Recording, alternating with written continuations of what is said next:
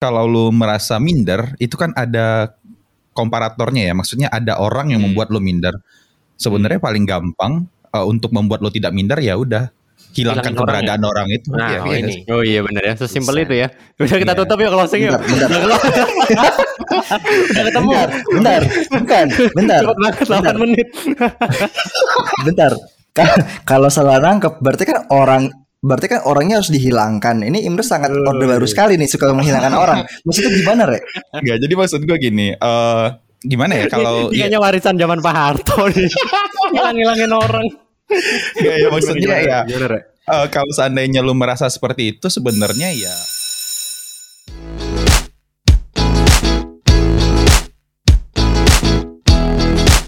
Eh, ini kan apa namanya? Kali ini Bapak Didit masih belum bisa bergabung ya. Tapi mal- eh, kali ini malam ini ketahuan kan kita rekamannya malam-malam kan. Jadi kali ini tuh kita kedatangan eh, teman obrolan yang sebenarnya ya sebelumnya kita juga pernah ngobrol kan di podcastnya. Cuma kan kalau podcastnya saudara ini ini kan sangat terstruktur gitu kan. Sedangkan kita kan obrolannya kayak obrolan warung ya. Jadi semoga semoga bertahan ini ya, semoga tahan ya.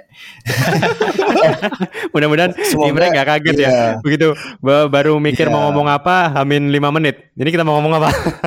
Iya, nah ini jadi di episode kali ini kita tuh kedatangan tamu spesial ada Imre Nagi. Halo Re. halo halo. Re. Kita soalnya kita pernah bahas Re di ini di apa episode yang sebelumnya gitu. Jadi the best episode-nya kita itu ya sama lo itu Re. Iya gue denger itu, gue denger kan gue gue balas-balas tweet itu sama iya, Didit itu. Iya. Iya, makanya kita mengajak lo lagi sehingga kita di sini bagus gitu ya. Atau mungkin Nah, ke depannya ya ada lagi terus mungkin Bener. Ra- mungkin Rama bisa fokus ke yang lain gitu kan. Nah, awal aja gitu kan. Oh enggak ya. Jadi gini ya kalau kalian rekaman deh. iya. Kadang- Kadang-kadang sampai akhir nggak tahu kita ngomong apa nih, ngomong apa Iya. gitu. Ntar- Seenaknya udah. Ntar seru serunya baru di ujung tapi udah eh closing gitu. Iya, iya lagi seru closing. Iya tuh bener tuh. gue sering denger tiba-tiba udah habis aja lah, udah habis aja udah musik closing aja. iya, iya. Nah, di situ ada kerja Emang seorang. ma- magicnya produser kita ya. Yoi. Eh iya by the way ini kan apa namanya eh, si tadi kan ya masalah impostor syndrome itu sebenarnya awalnya Rama nih yang yang sempat melemparkan Impostor, sempat impostor maksud lo.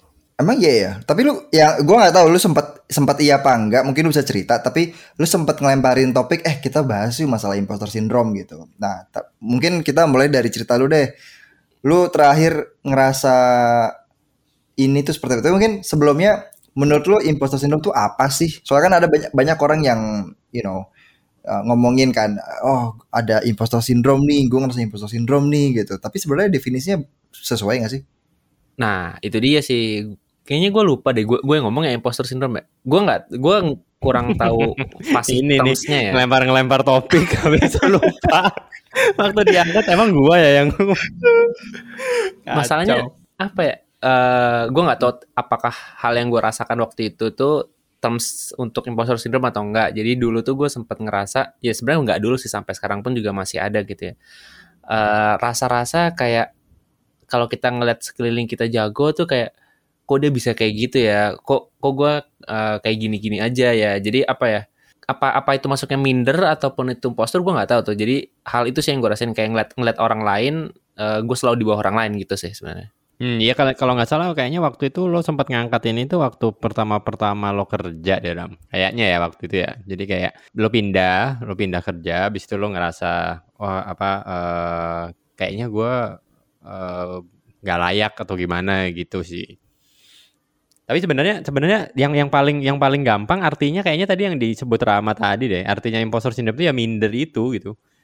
Jadi kan kalau kita googling nih gua dapet artinya kalau di googling kan panjang banget nih artinya nih impostor sekarang referensi syndrome. lu Google Ji iya Reverse nggak bisa kan nggak Oh, bisa nggak bisa ya.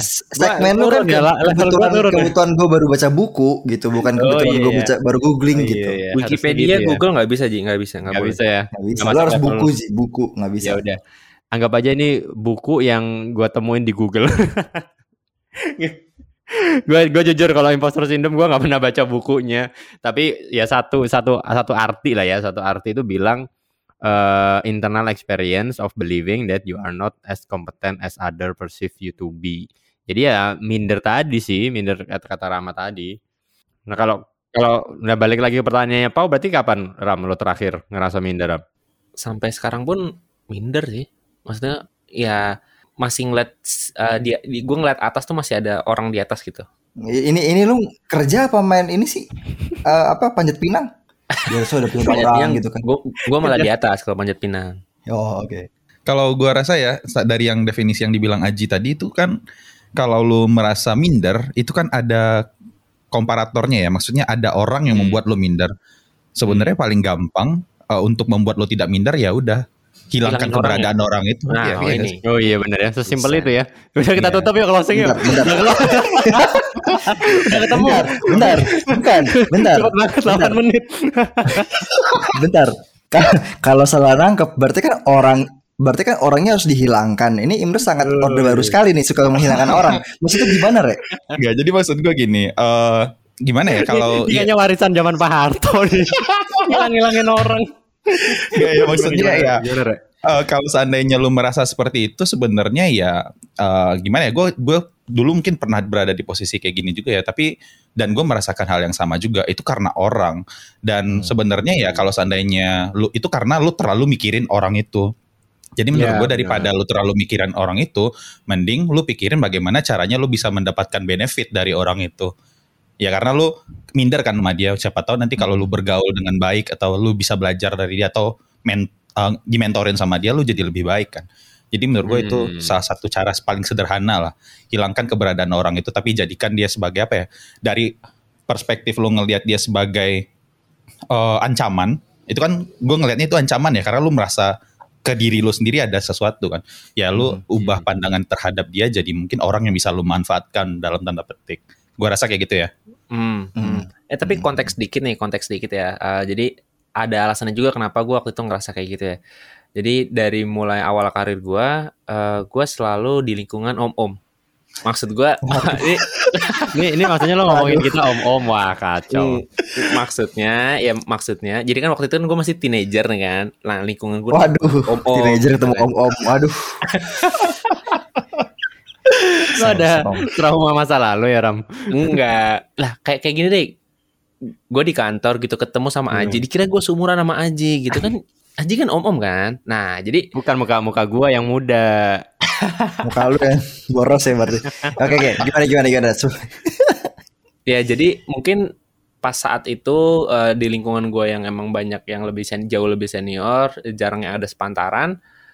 Uh, jadi gue selalu look up tuh gitu loh kayak ngeliat mereka jauh banget sama gue gitu-gitu sih. Jadi itu konteksnya sih masalah yang gue hadapin nah, waktu itu. Cuman kalau misalkan tapi menurut gue ya kalau uh, apa dan dan nyoba nyambungin dari yang kata Imre tadi. Kalau lu ngelook up berarti seharusnya lu nggak mengcompare lu dengan dia tapi justru kayak membuat dia menjadi suatu inspirasi lu atau dalam tanda kutip lu utilize orang ini untuk bisa uh, ngembangin diri lu sendiri gitu. Nah, kalau gitu berarti ada yang salah dong dengan cara look up. Uh, atau mungkin kalau saya kayak gitu kalian pernah pernah ngerasain hal yang mirip-mirip kayak gitu nggak misalnya gini kalian mungkin sering kali ya mungkin uh, apa tebakan gua sering kali itu kejadian saat orang pertama kali uh, apa kerja gitu ya jadi fresh grad gitu kan baru kerja habis itu lu ngeliat ada senior habis itu uh, lu melihat look up tapi jadinya malah minder bawaannya bukan justru yang sifatnya produktif. Kalian pernah ngerasain hal itu nggak dulu? Mungkin coba mungkin kayak Imre Aji gitu kan sekian puluh abad yang lalu gitu kan saat kalian mulai kerja. Gimana gimana? Kalau gue dulu ngelihatnya antara gue sama temen gue yang mungkin beda satu tahun dua tahun kali ya.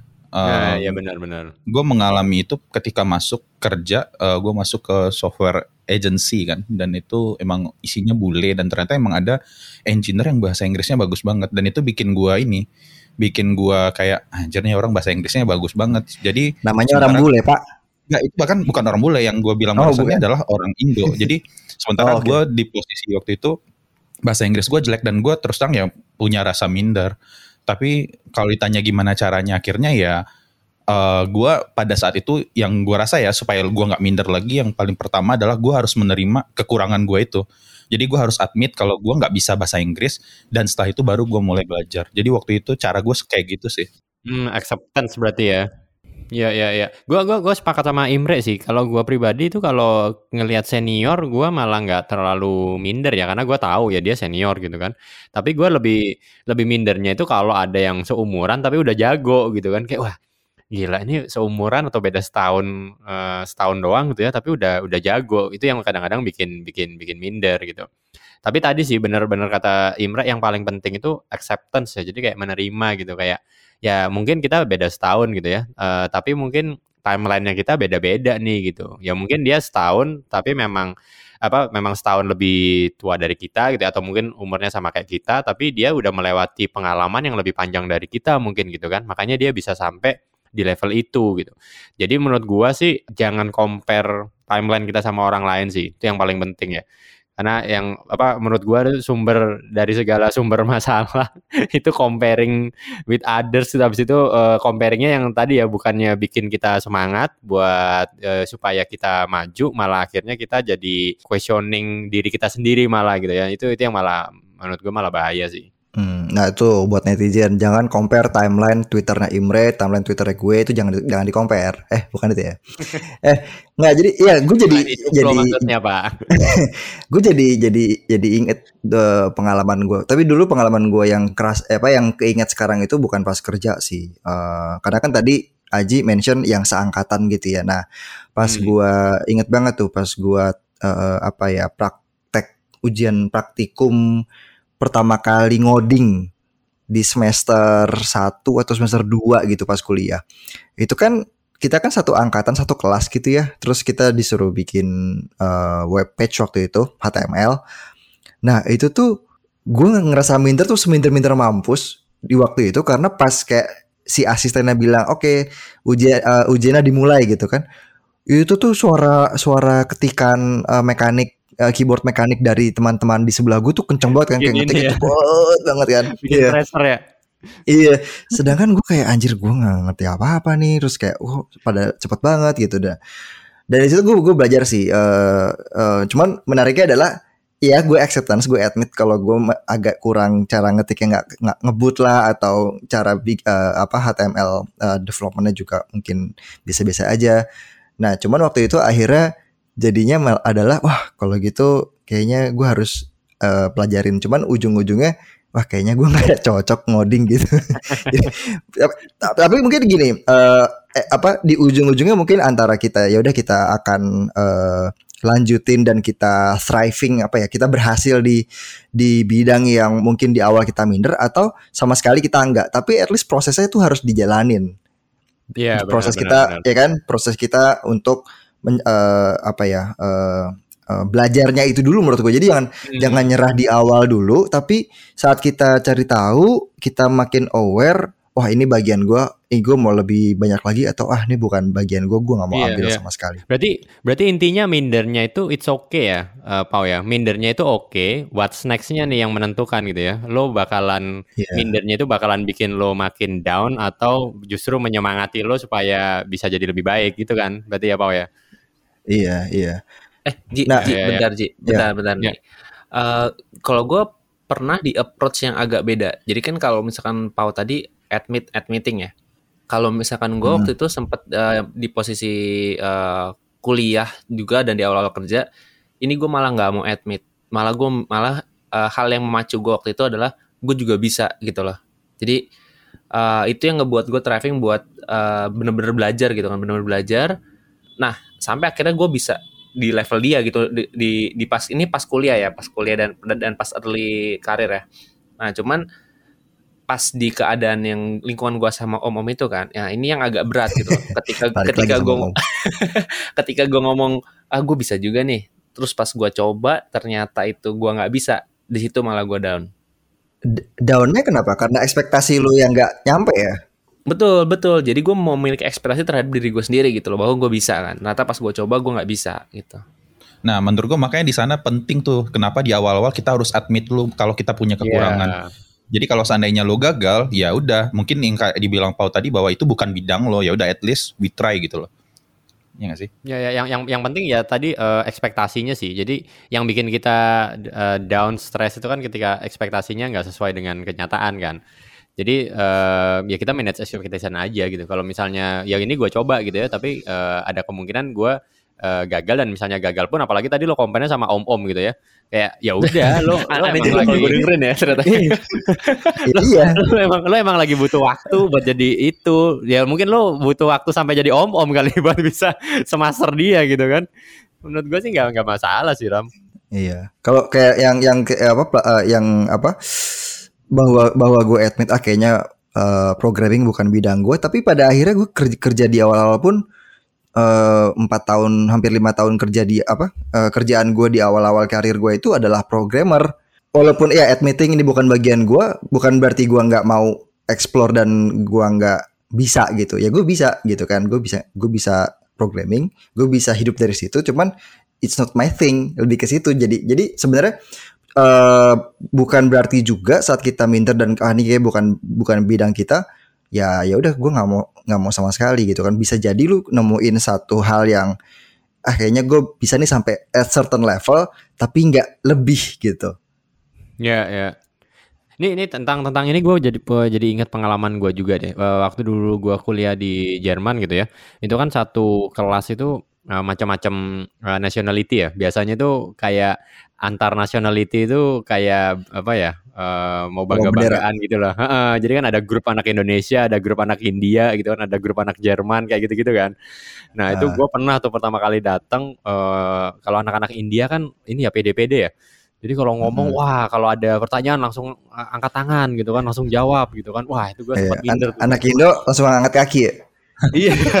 Makin makin makin kicut kan kita anak Indo kan. Waduh gila kita different league banget nih sama anak-anak India gitu kan. Jadi bikin bikin kita makin makin minder gitu kan. Nah tapi uh, hmm. tadi gue balik lagi what's nextnya? Akhirnya uh, eh, gue jadi makin semangat tuh. Kayak wah pokoknya next uh, kelas ya kelas berikutnya uh, gue harus belajar nih. Gue harus kalahin si uh, geng India gitu kan istilahnya. Nah, akhirnya gue hmm. belajar tuh belajar uh, persiapan lah ya. Bahasa uh, India. satunya uh, bahasa India. Nggak jadi gue akhirnya pelajarin siapin bener-bener nih kelas itu gitu kan. Nah ternyata ketika pas uh, kelas itu dimulai uh, sama kan dosennya tanya lagi gitu kan. Terus balik lagi nih anak-anak India uh, angkat tangan lagi jawab gitu kan. Nah ternyata gue realize kalau uh, jawabannya mereka ini uh, teman-teman gua di kelas itu gitu ya ternyata itu uh, banyak yang ngawur gitu loh hmm. ketika ketika lo ketika lo baca oh ternyata ini nggak ada nyambung nyambungnya gitu jadi hmm. intinya kadang-kadang di dunia ini itu lo kalah gertak aja bro gitu bukan berarti lo itu lebih uh, rendah dari uh, teman kompetitor lo misalnya gitu ya atau orang yang lo anggap uh, keren gitu. Tapi mereka lebih berani aja mereka lebih berani ngegertak kayak wah gila nih gue bisa gitu. Nah itu kadang-kadang kita kitanya sendiri uh, yang bikin kita uh, minder gitu. Padahal bukan berarti kita jadi lebih rendah dari dia cuma kita kurang berani aja gitu Nah itu itu itu pelajaran berharga banget tuh dari gua di situ. Jadi uh, akhirnya uh, ya udah besok besoknya gua nggak nggak nggak minder lagi gitu karena sebenarnya kita uh, ya sama-sama aja. Kalau lo belajar ya sama-sama ngertinya. Bahkan mungkin kita lebih ngerti dari mereka gitu. gitu gue setuju sih sama Aji. Uh, gue juga merasakan hal yang sama tuh terkait yang tadi mungkin dari segi komunikasi kali ya. Tapi hmm. uh, tadi di tengah-tengah gue tiba-tiba menyadari bahwa sebenarnya ketik untuk mengobati rasa minder lo itu uh, mungkin ada banyak hal ya. Lo mungkin, gue mungkin pada saat itu kurang bagus di bidang bahasa komunikasi bahasa Inggris. Walaupun gue udah kuliah, ketemu orang-orangnya boleh, tapi gue merasa kurang di sana. Tapi satu hal yang masih pada saat itu membuat gue masih semangat untuk kuliah karena mungkin yang dibilang Haji tadi juga uh, mereka tuh uh, ternyata yang dibilangin ngawur. Nah, ketika yeah. di bagian itu gue menyadari bahwa sebenarnya gue tuh punya kekuatan lain. Kekuatan lain gue pada saat itu adalah uh, kalau dibandingkan dengan teman-teman gue kuliah waktu itu, uh, gue bisa uh, katakan gue punya pengalaman kerja uh, untuk bikin software dan gue udah punya pengalaman ngerancang software uh, yang lebih baik lah daripada mereka. Karena teman-teman gue rata-rata hmm. pada lulus S1 langsung S2 jadi mereka nggak dapat pengalaman industri nah jadi poinnya adalah buat kita nggak minder kita mesti admit tadi kekurangan, tapi satu sisi lain gua rasa kita juga harus tahu power lu, strength lu sebenarnya ada di mana dan itu yang akan membuat kita balance lah. At least hmm. kalau kita merasa kurang di satu titik, kita bisa tahu bahwa sebenarnya sisi lain gue punya kelebihan juga loh, jadi bisa balance. Gua rasa kayak gitu ya. Oh iya, oh, berarti bener banget tuh, bener-bener. Tips berikutnya self aware ya, jadi tahu kelebihan kita gitu ya, Rek ya.